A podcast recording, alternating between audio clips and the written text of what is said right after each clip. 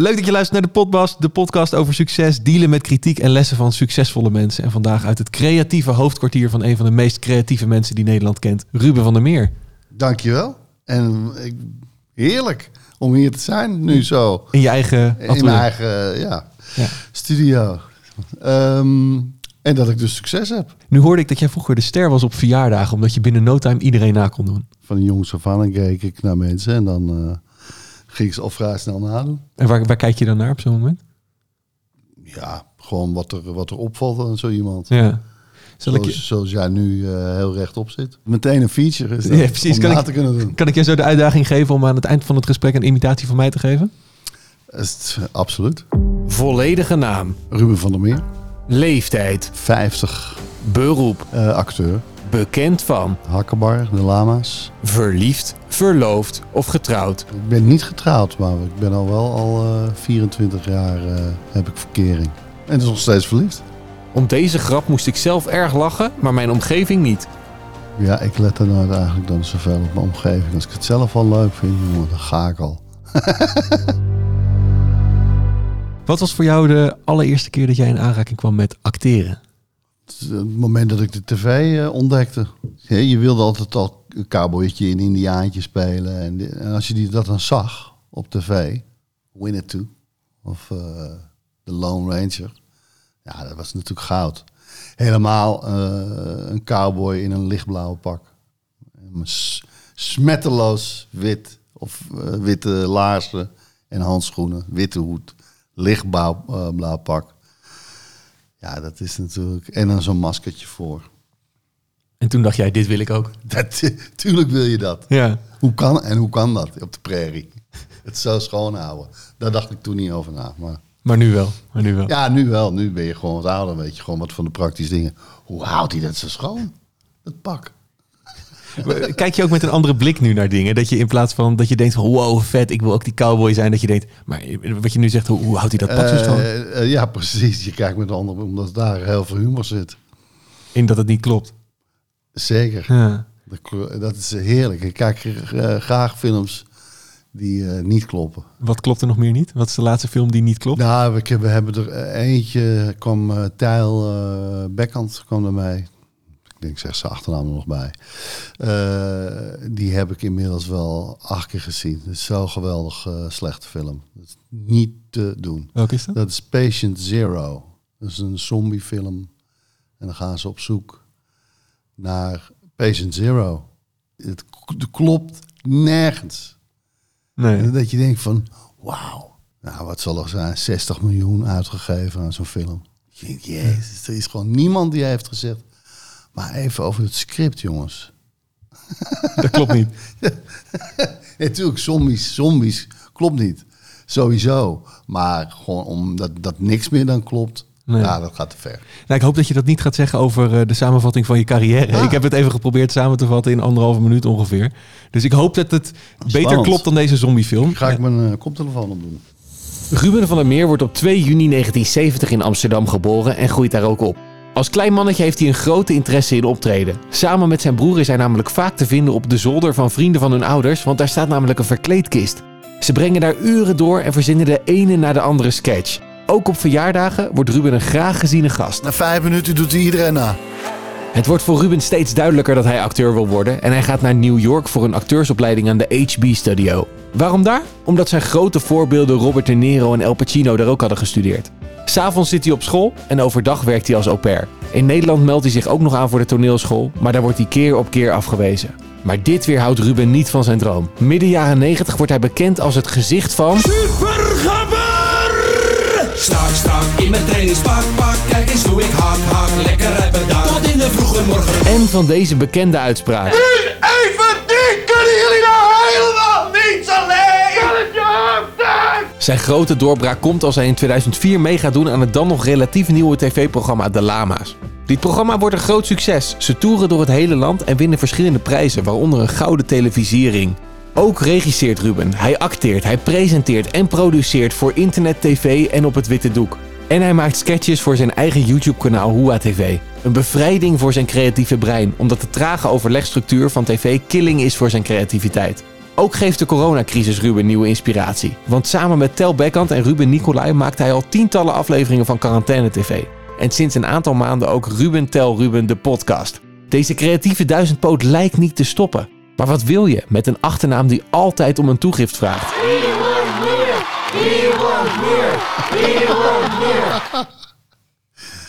Oh, wil jij dat? Ook? Nee, dit is het allemaal ik. Wil jij? Oh, Allemaal ik, ook die ogen? Ja, Wie, wat? ja. Het, het, was vrij gênant toen ik dit aan het opnemen was. je moet je voorstellen, ik zit dus in mijn kamer dit te maken. Ja. Op de achtergrond. We want, we want, we want. En gewoon echt zeg maar alles. Maar uiteindelijk nee. Het was niet Celine van de camera. Nee. Nou, eh, klasse hoor. Ja. Mis je het, het theater? Ja, enorm. Ja. Ja, nee, het is wel heel, eh, heel erg jammer dat dat eh, nu allemaal niet kan. Nee. Maar goed, eh, vaccinaties komen eraan. En dan, eh, Dan mag het allemaal. dan ga- gaat het allemaal weer gebeuren. Nou, we waren laatst wel... eh, speelden we weer een online improvisatieshow. Dat was een kleintje.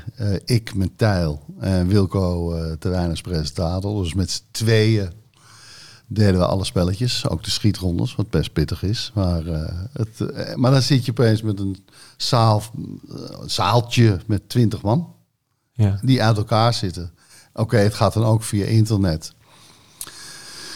Ehm, maar dan toch zit je, kom je weer op op zo'n laag podiumpje. En dan, ja, dan is het eerste wat je zegt. nou, hè, Tijl, onze laatste show was Ziggo Dome. en nu staan we hier voor jullie, alle twintig. We hebben zelfs opgetreden zonder publiek. ja. Dus Dus riepen jullie naar elkaar dingen? allemaal, eh, was het allemaal live eh, gestreamd. Er was er nog niet eens publiek bij. Nee. Het is gewoon, ja, er is gewoon af en toe... denk je van, kan jij heel even op die lachknop drukken? Want dit was wel echt wel volgens mij een goede grap. Ik heb het even nodig. Even dat je iets hoort. Toch? Weet je, dat was eh, de presentator eh, Wilco in dit geval. Die had, eh, had wat lachjes onder de knop. En die kon ons be- belonen met een lachje. Dus eigenlijk een soort ererondje toch rennen voor je eigen Kom op nou man, dit was echt wel grappig. Geef me in ieder geval één, een middelmatige lachje. Geef die. Ja, je hebt die- En doordat je dat ook weer zegt, wordt het ook weer leuk. Je Ja, toch? precies. Ja. Nou ja, een groot deel van de kracht van improviseren is gewoon alles te benoemen. Ja. Gewoon alles. Als er iets in de zaal gebeurt, benoem het. Ja. Als er mensen te laat komen, moet je niet gaan proberen het te negeren. Want iedereen weet het, iedereen merkt het. Lang geleden speelden we in Enschede. Ja, dan moet er toch even benoemd worden aan de historie van Enschede. En Ja. daar is die vuurwerkramp ook een groot deel eh, Ja. van. Uh, het zou gek zijn als je eh, dat niet benoemt als eh, cabaretier.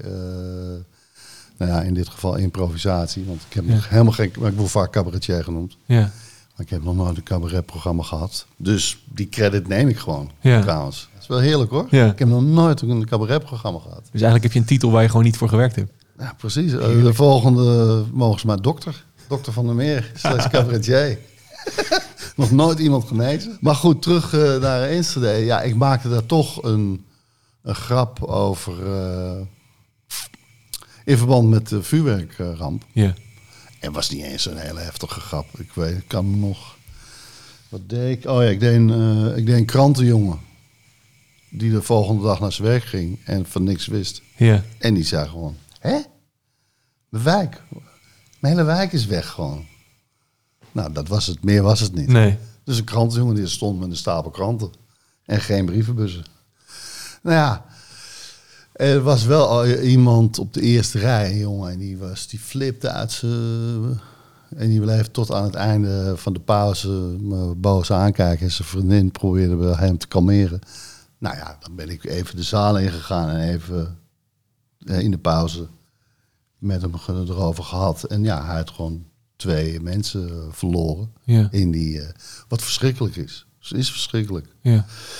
Maar dit, dit, je kan, dat zeg ik, je kan niet, niet over hebben. Nee. En het is niet dat ik zei van haha. Eh, het was gewoon, er was, die werk was er en nu niet. En dat heeft ook effect op krantenjongens. Ja. Maar hoe is dat voor jou als En, iemand... daar, en daar wordt, hoor je niemand over. Die krantenjongen. Precies, die gedupeerd is hierdoor. Die, ja, en nu? Alleen maar dokter van der Meer hoor je erover. maar zit dat na de pauze dan ook nog in je hoofd? Dat je denkt van ja, Nee, dan ik moet hierop letten. verder. Je moet gewoon weer verder. En, eh, en we hadden het zeg maar uitgesproken, of weet je wel. Ja. Hè? Wat zeg ik? Benoemen. Je moet het even benoemen. Even met elkaar erover hebben en dan, eh, En dan laten gaan. dan weer verder. Ja. Ja. Wat wilde jij worden toen je een kleine Ruben was? Eh, acteur. Ja. Altijd gewild. Ja. En dan zit je in de kleuterklas, dan vraagt de juf het aan je en dan zeg je ik word acteur. Hoe waren de reacties? Want mensen, mensen zeggen al wat leuk. En er zijn ook mensen, is dat wel verstandig? Dat is heel moeilijk Ja. om daar werk in te krijgen. Heb je dat vaak gehoord? Eh, nou, best wel, af en toe. Eh, alleen ja, eh, ik, een goed verhaal van Jim Carrey over zijn vader was... Die was trompetist. De vader van Jim Carrey, die ging, deed heel goed. Eh, maar niet een een struggle. Er werd ook van gezegd, is het wel verstandig om hier... eh, en op een gegeven moment dat, dat hij vader werd en een gezin kreeg, eh, zat hij op een uh, T-splitsing. Moet ik hier maar door? En toen wa- was het toch tegen hem gezegd, nou, je moet toch voor zekerheid kiezen. Dat heeft hij gedaan, want hij is voor een verzekeringsmaatschappij geloof ik gaan werken als vertegenwoordiger. En na 30 jaar werd hij ontslagen en werd, was hij en werkeloos. En heeft hij 30 jaar niet gedaan wat hij eigenlijk wilde. En werd hij nergens mee aangenomen. En was hij niet de trompetist geworden die hij wilde. Dat moet je niet gebeuren. Nee. Dat moet je niet gebeuren. Je moet gewoon gaan doen wat je wil. Want daar ben je uiteindelijk denk ik het beste in. Eh, want het kost het minste eh, effort. Dat heeft soms een risico. Maar het doen wat je niet wil, kan dat risico ook nog met zich meebrengen. Ja. En dan heb je gewoon dubbel verloren. ja, als je maar voor de veiligheid gaat. Ja, maar want de veiligheid is er niet. Nee. In, in nergens eigenlijk. Je hebt nergens Nee. een garantie dat je tot je Dat dood daar zit. Nou ja, en dan? Jij begon op een gegeven moment, je, jij wilde acteur worden. Eh, je zei dat ook tegen je ouders, denk ik. Zij, waren ze gelijk supportive? Dachten zij gelijk van, nee, Ja, dit, eh, dit moet je gaan doen? Ja. En mijn ouders hebben me nooit eh, gezegd dat ik iets moet doen, eh, iets anders moet doen. Nee. Of sowieso waren ze ook niet heel erg doe dit, doe dat. Of, of, of ze waren, lieten me het heel erg uitzoeken zelf. En dat is heel fijn, want alles wat je ontdekt voelt als een eigen overwinning. Dus de, dat, dat, dat is ook een hele goede steun, blijkt achteraf. Ja. En ehm, ja, naar New York wilde ik gewoon. Ik wilde gewoon die soort lessen volgen. eh, eh, in acteren die ze, zij ook hadden gedaan. Ja. Ik bedoel, dan niet mijn ouders, maar dan eh, wat je net hoorde: El Pacino, Robert De Niro, James Dean, dat soort. eh, Want je bent uit gaan zoeken toen op dat moment, waar hebben die gestudeerd? ja, Ja. ja, ik dacht, oké, wie vind ik nou goed? En Wat hebben die voor een eh, opleiding gedaan? Wat voor soort? Nou, dan moet ik daar. eh, het- en ja, New York, dat klonk, was natuurlijk gewoon sowieso al fantastisch. Ja. Je al de hele dag in de film. Ja. En ehm, eh, ja, dan maar au pair. Ja, want au pair, dat was om te zorgen dat je eh, niet een appartementje nodig had? Of hoe moet je dat Nou, het is, New York is gewoon onbetaalbaar. Ja. En eh, ik moest ook gewoon werken daar. En dat, ik had geen green card, niks. Nee. Dus ik ging gewoon op een toeristenvisum daar naartoe. Ja. En bleef. Ja. Want wat heb je daar geleerd?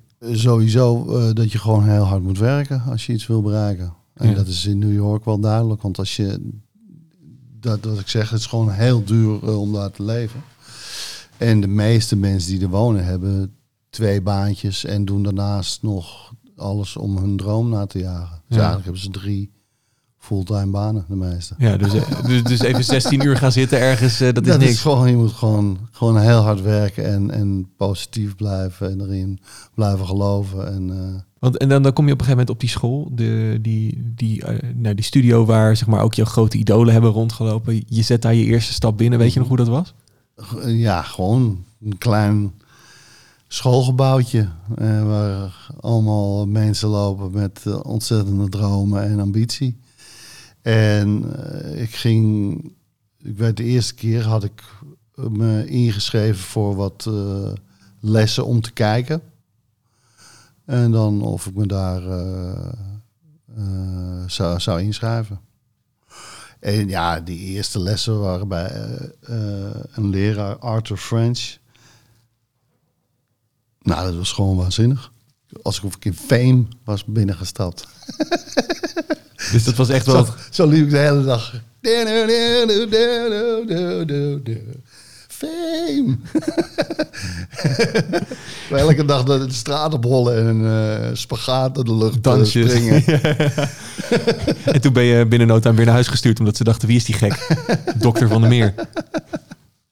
Maar wa- wat, was, wat, wat heb je op die school geleerd waarvan je denkt... nou, dit, dit neem ik nog steeds mee? Want Nou, het is gewoon een simpel voorbeeld. Eh we gingen een scène kijken van twee mensen. Kijk, het werkte zo. Je moest scènes voorbereid hebben. Zelf, thuis, waar dan ook. Je kwam naar de les. Je moest op wie als eerste komt, kon zichzelf als eerste op de lijst zetten. En er was gewoon een lijst. En dus je moest zorgen dat je hoog op die lijst kwam. Want dan was er misschien nog tijd voor je. En dan, volgens die volgorde, ging iedereen scènes spelen. En werden die scènes uitgebreid behandeld. Dus dat was ook al een drive om weet je, op tijd te komen. En te, de, anders zit je gewoon een hele les eh, week na week alleen maar te kijken naar andere mensen. En gingen- zaten te kijken naar een stel, die hadden een, eh, een scène gespeeld. Eh, hij komt thuis en hij ziet haar staan met de rug naar haar toe en hij verrast haar eh, van achteren. En dan is die hele scène gewoon heel praktisch, zegt die leraar. Heb jij van tevoren besloten om haar te verrassen als je thuis komt? Of zie jij, doe je de deur open, zie je haar en denk je, hé, ze ziet me niet, ik ga haar verrassen. En daar zegt die jongen van, nou, nou weet ik niet. Hij zegt, nou, je moet al die stappen vooruit denken. Met alles. Hoe kom je naar binnen? Alle beslissingen, die, eh, zo'n beslissing verandert de hele scène. Dus hij zegt, maakt niet uit, ga die scène nu nog een keer spelen. Bedenk het. Maakt niet uit wat je bedenkt. En maar speel het daarna. En daarna ging je het spelen. Dus vroeg je aan de mensen die keken, en wat was het? Wat heeft hij besloten? En dat zag je, je zag het gewoon heel duidelijk. ja, De, de, zo'n, klein, zo'n klein detail.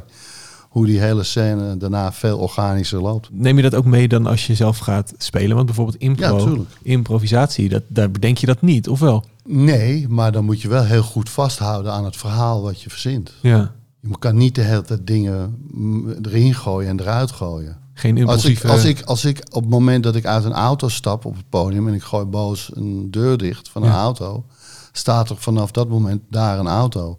Als ik dan vanaf dat punt rechtstreeks dwars door die auto heen loop naar een tegenspeler, omdat die auto er niet is, dat, dan is het, ja oké, dus alles kan. Dan moet je eigenlijk, als, weet je, als dat gebeurt, doen we dat ook. Oh, wauw, jij kan gewoon door auto's heen lopen, niet normaal. Weer het benoemen. ja, Ja, want ja, je gooit daar die deur dicht. Ja, Kijk, als, als die andere zegt, hoezo, ik kan helemaal niet door auto's. Het is gewoon een losse deur. ik heb gewoon een losse deur van een auto hier. Gewoon dichtgesmeten, Ik liep, er, ik ja, ja. ja. Ben je blind of zo? Ja, ja, ja, precies. Dus uiteindelijk weer het benoemen, er weer een grapje van maken. Precies. Ja, Als het maar klopt. Als het maar blijft kloppen. Nou, waar we het net over hadden. Als het niet klopt, hè, dan wordt het echt zo amateuristisch. Dan kom je terug bij Patient Zero. Dan ga je erover nadenken van, maar hoe zit het? Dit slaat helemaal nergens op. Nee. Bij Patient Zero zitten ze, ga ik er toch op, zitten ze in een bunker met een paar honderd man die nog overleefd hebben. En er zit een soort leger. In ieder geval, er zit ook een gast en die heeft allemaal langspeelplaten, een pick-up en een paar dozen wijn mee. Maar hoe heb je in godsnaam dat mee die bunker ingenomen? Zes dozen wijn, twee kratten met platen en een pick-up en boksen de, die bunker binnen. Oh ja, en je was samen met je vriendin die half zombie is geworden. Want die is gebeten. Dan word je gewoon gek. Ja, wat? En dan komt er toch verrassing aan het eind ook. Hoe is hij daar ooit bij die, bij die bunker gekomen? Met de motor. Ja, maar nou, nou maak je... De, heb jij ooit eens iemand zien rijden op een motor met zes dozen wijn, India. twee kratten? In India doen ze dat toch met zo'n touwtje Ja, eromheen? Precies, India. Nee, oké, dan vervoeren ze gewoon een koe eh, op de motor. Maar dit was geen India.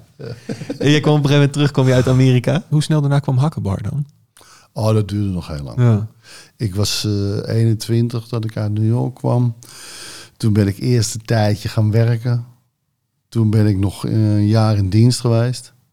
Dat moest nog. Toen ben ik eh, theaterschool, eh, audities gaan doen. Dat werd hem niet. Werd het niet vijf keer afgewezen. Toen heb ik de acteerstudio in Den Haag eh, ontdekt. Je had de trap en de docentencollectief, ook zo dat soort acteeropleidingen in Amsterdam.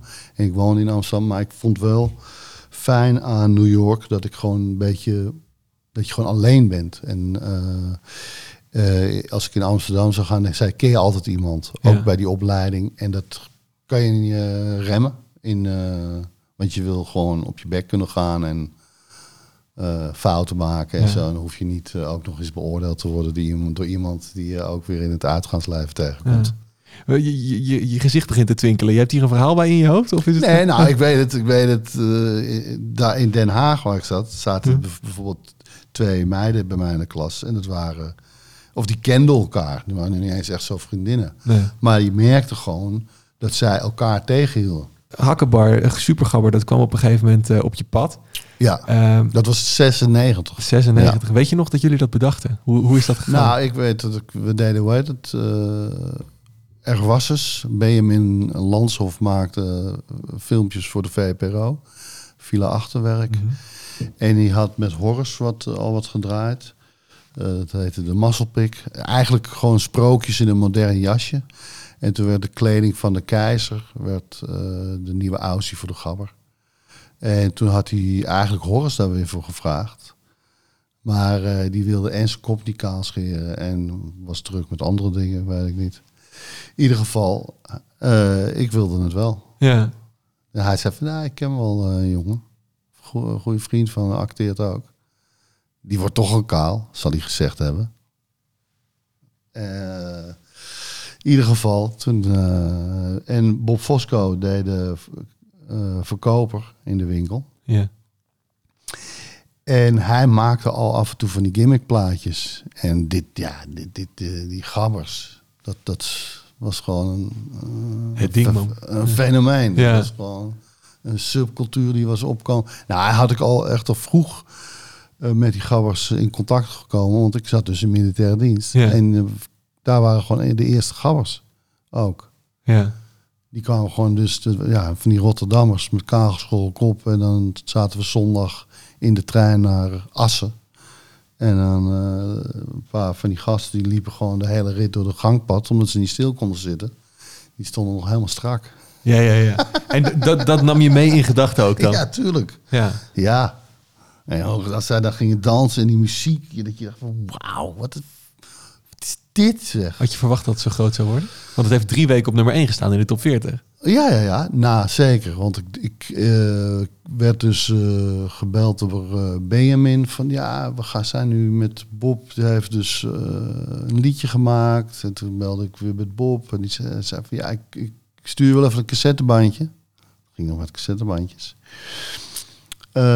Dan kan ik je laten luisteren. Maar ik denk dat ik, ik ben te oud voor die clip, voor die grapper. Maar anders speel jij het. Ik zeg prima. En eh, is er nog geld voor die eh, draaidag of iets? Eh 500 gulden. Ik zeg ja, oké. Nou ja, weet je, ik was al lang blij, want ik reed. In een, ik was aan het courieren of zo. Toen, ik zeg ja, maar voor een videoclip. Ah, oké. Stuur maar. toen had ik het liedje gezet. Ik luisterde het een paar keer. Ik zeg, toen heb ik keihard onderhandeld. Ik zeg, dit wordt zeker een hit. Dit wordt, want ja, Swiebertje melodie kende iedereen. Het was super grappig. Ik zeg, nou, dit... Oké, laat ik het zo zeggen. Als dit een hit wordt, dan wil ik het dubbele. Duizend euro. En daar heb, je, daar heb je spijt van gehad uiteindelijk, of niet? Nee, nee, nee, nee, ik, bedoel, ik, ik had niks met de muziek te maken, Nee. niks met de tekst te maken. Dus ik kon geen aanspraak doen op royalties of dingen. Nee. Daarbij eh, is er een, eh, een producent met al het geld vandoor gegaan. Echt classic. Wat we naspeelden nog in een soort hakkenbar documentaire. Voor de gein gebeurde ondertussen gewoon echt. Maar wat ook het lastige is, denk ik, aan het creatieve, wat wij alle twee doen, is mensen die denken, oh, dat kan wel gratis. Weet je, oh, zo, zo, zo, zo'n filmpje maken. Even in mijn filmpje spelen, dat kan wel gratis, toch? Weet je, terwijl het voor Nee, jou werk is. eh, ja, het is aan de lopende band. Ik zou me al mijn dagen kunnen vullen met eh, filmpjes. Ja. Voor, eh, en helemaal tegenwoordig. Je wordt aan de lopende band gevraagd of kun je eventjes dit inspreken, dat inspreken. Ja, Dat is gewoon elke dag, eh, meerdere malen per dag, zo'n verzoek. ja. Dus wij moeten ook even aftikken straks.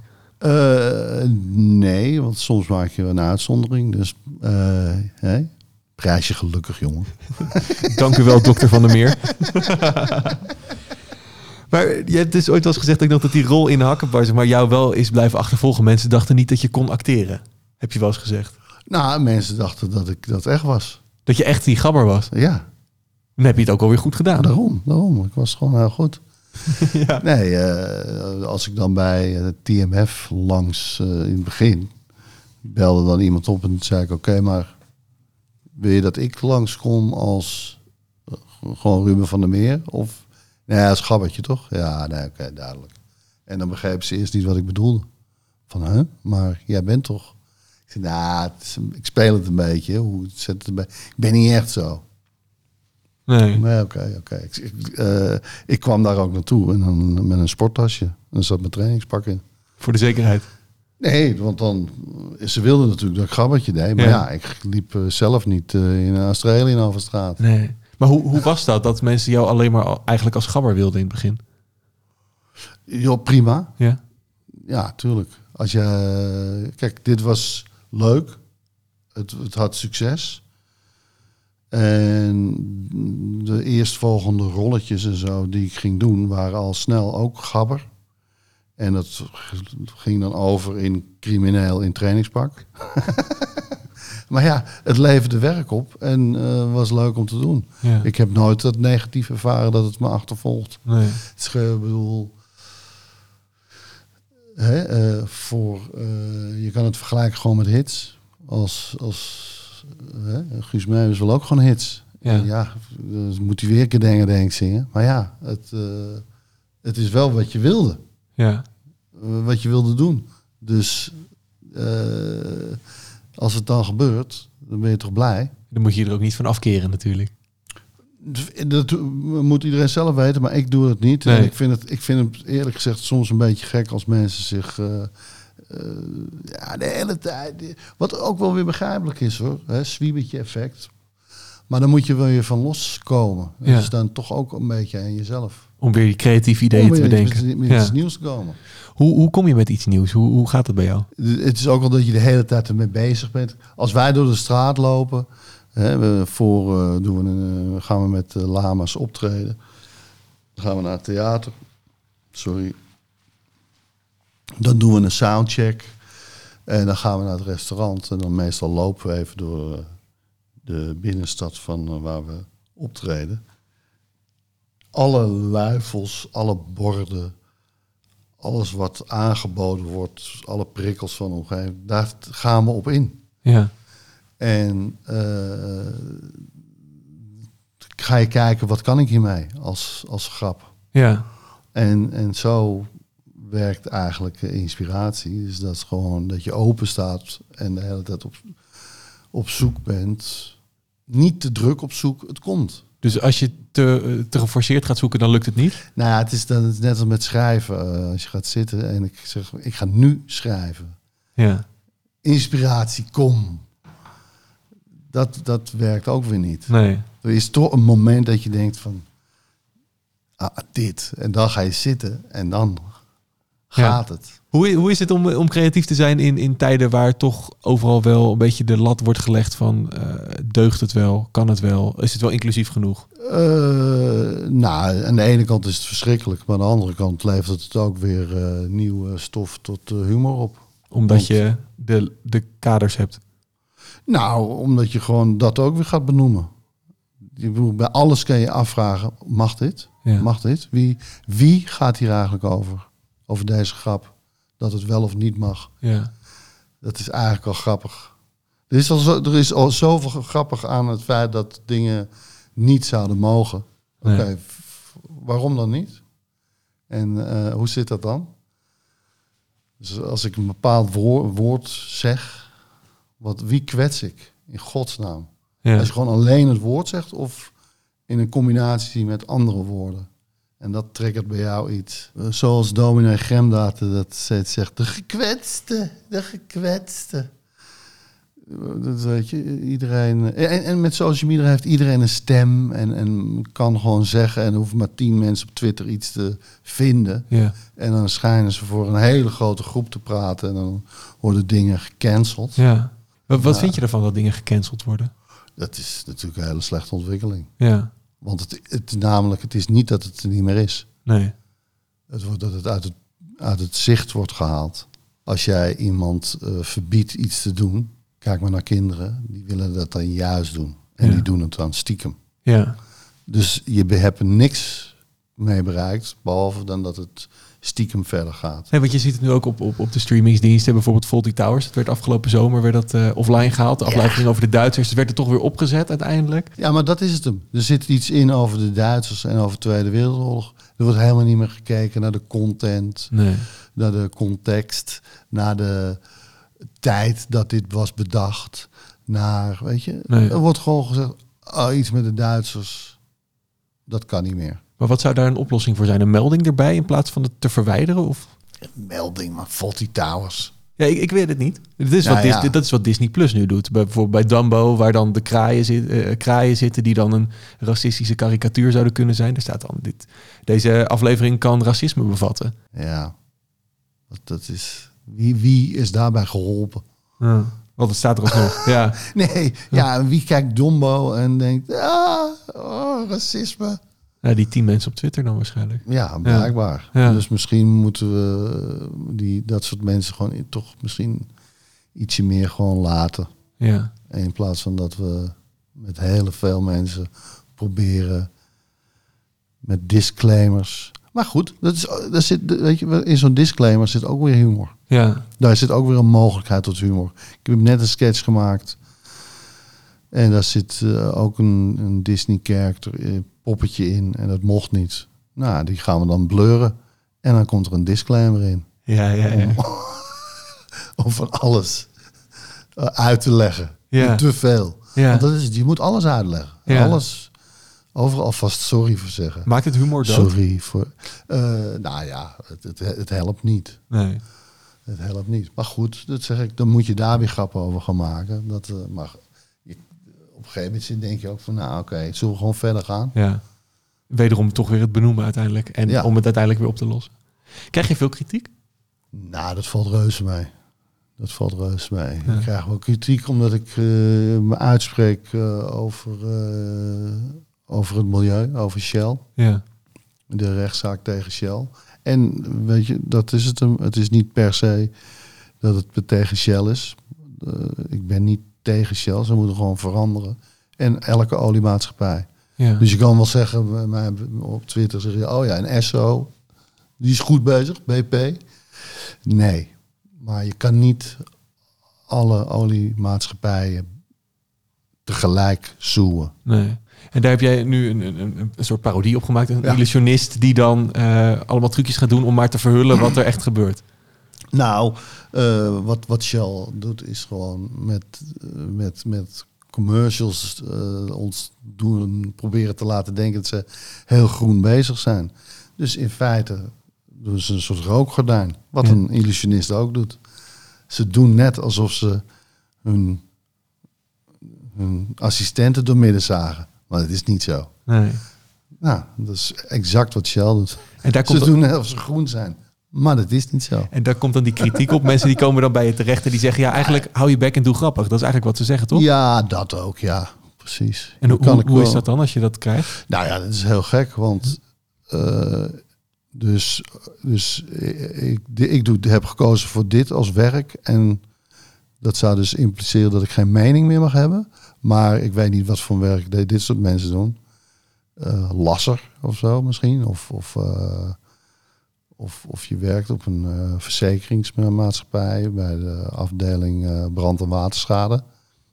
En dan mag je wel een mening hebben. Hoe, eh, Ja. Wat is de criteria? Ik weet het niet. Ja. Volgens mij mag ik ook gewoon een mening hebben. Ben je daarmee bezig geweest? Ook zeg maar, ook met wat het met mogelijk met je imago zou kunnen doen? Nou, het is wel even door mijn hoofd ge- gegaan van, oh ja, kun je natuurlijk krijg je zo'n stempel. Maar ja, moet, moet ik daarom, als ik me druk ga maken om wat mensen, andere mensen vinden. Ja. Dat is hetzelfde als ik eh, kan maar beter voor de zekerheid misschien nog niet gaan acteren. Maar op de afdeling waterschade, brand gaan werken. Is een persoonlijke En feit, dan hoor ik al. en gaat twitteren. Weet ik veel. Nee, ik zeg wat. het, het klinkt leuk. Ja. Afdeling waterschade. Ik ben een eh, Henk de Boer. Afdeling waterschade. En die hele Ruben, die moet gewoon zijn muil houden. Met schappenmakerij. Hoe kun je daar als jonge, jonge carrièremaker het best mee dealen met kritiek? Wat je krijgt op bijvoorbeeld je werk of op je stage? Of... Kijk, als je gewoon voor jezelf voor ogen hebt dat je dat het wat je doet, dat het goed voelt, dan eh, luister eh, naar kritiek en eh, leg het daarna weer naast je neer. Ja.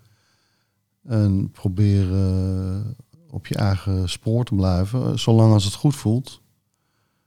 Weet je wel. Eh, kritiek houdt je ook tegen. En eh, misschien zag diegene die de kritiek had het helemaal niet goed.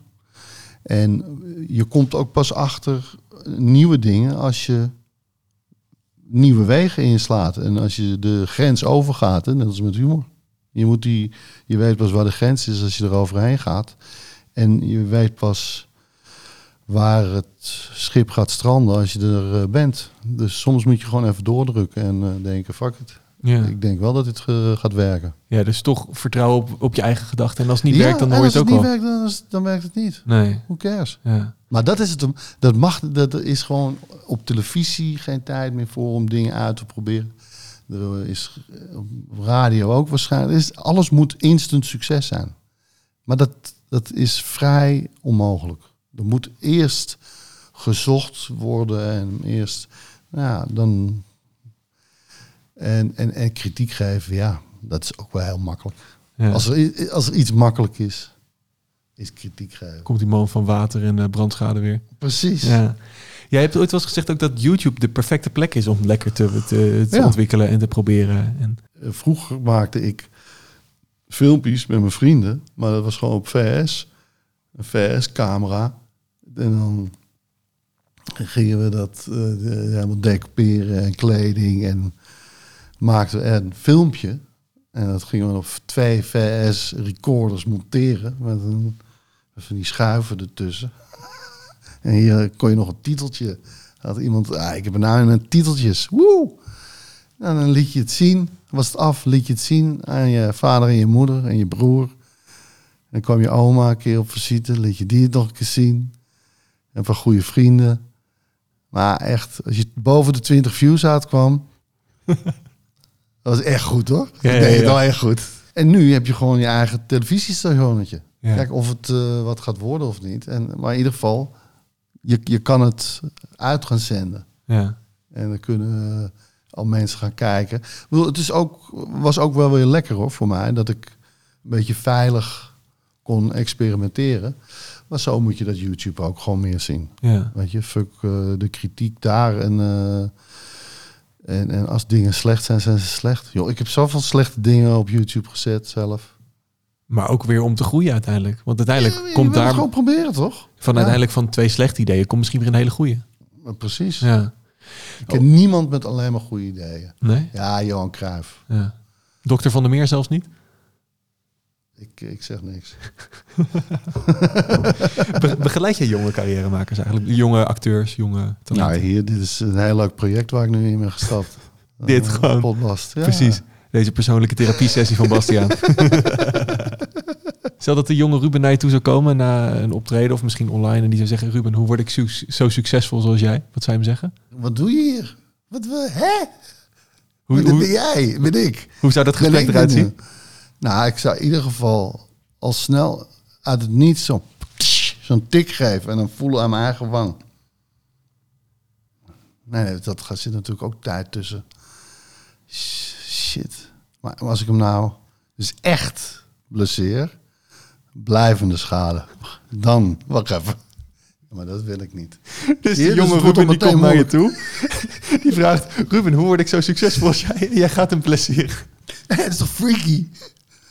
Ja, eh, hier, ik heb een tip voor je. Bababa, doe er wat mee. Maar je- dan ben je toch alweer snel op het feit dat je gewoon tegen jezelf staat te praten. Ja. Dus zeg je, oké, waar ga je naartoe nu? Ik ga met je mee. Want dan wil ik ook mee terug. En gaat dat jochie dan zeggen, nee, dat gaat, dat gaat niet gebeuren, eh, vriend. Flikker op. Oh, oh, eh, je hebt het wel tegen eh, jezelf, maar dan ouder, vriend. Nou, dat wordt al meteen grimmig. ja. Zou, je, zou je terug willen in de tijd met, het, met die jonge Ruben mee om het allemaal nog een keer te doen? Nee, want dan ben je een volwassen man die, Het wordt dan heel moeilijk, hè? ja, Het was eigenlijk gewoon een vraag van wat voor succesles zou je jezelf meegeven vroeger, maar jij zou jezelf invalide maken. Nee, top. nee, maar is- ja, nou goed. Wat is, eh, wat is het ingrediënt voor succes als het aan jou ligt? Jezus. Jezus. Nou, zou je hem hebben. Punt. Bam, klaar. Ah. Eh, ja, en, en geluk en, eh, en, en doorzettingsvermogen en talent. En maar er ook echt wat mee doen. Ja. En eh, Invalide gemaakt worden door die oudere jij. nee, nee, dat helpt totaal niet. Want uiteindelijk plezier je jezelf, blijkt. En moet je alleen nog maar rollen spelen van iemand die mank loopt. In trainingspak. En dat is, dat is verschrikkelijk. Ja, eh, de trainingspak doet er dan niet eens meer toe. Want hakken kan al sowieso niet. Nee. Dat gaat ook al niet door. Stom. Stom idee om mezelf eh, mank te schoppen. Ja. De kleine ik dan. Ja. Ik zo'n klein jochie. Iedereen dacht ook van, wat staat die volwassen man de kleine kind in elkaar te slaan. Dat ben ik zelf. Het is oké. Ja, Word je Hart van opgepakt. Nederland erbij. Huh. Ruben van der. Meer slaat kleine Ruben in elkaar. Verschrik. Ja, maar... Als, Slaat lookalike in elkaar. Precies. Huh. Ik sluit de potbast eh, altijd af met de potbast sticker. Met de vraag waar ga je hem Oh. plakken? Potbast. Eh, ik denk dat ik hem eh, op het toilet. eh, of is het een wc-pot? Is met een T natuurlijk. Ja, ik ben hem bij heel slecht. Bast in de pot. Nou, ik, ik kijk er nog even naar. Werken. Work in progress. Ja. De opdracht die ik je aan het begin had gegeven, had je er nog naar, over nagedacht? Die imitatie van mij op het eind? Ja. Je gaat nu recht zitten, arm op tafel. De ene hand houdt de andere vast. En je praat heel erg. En je bent heel direct. En open. En een glimlach. Ja, dit moet je dus echt even kijken als je de potbast luistert nu. Ja. Dat eh, kan via YouTube. Ja, dit is wel heel... Je gaat me nu gewoon echt... Oh nee, niet spiegelen. Ik vind het wel heel eng. Kijk ik echt zo intens? Je kijkt vrij intens. je hebt een intense blik als je interviewt. Want je zit te praten en dan zeg je... Was je vroeger altijd zo? ja,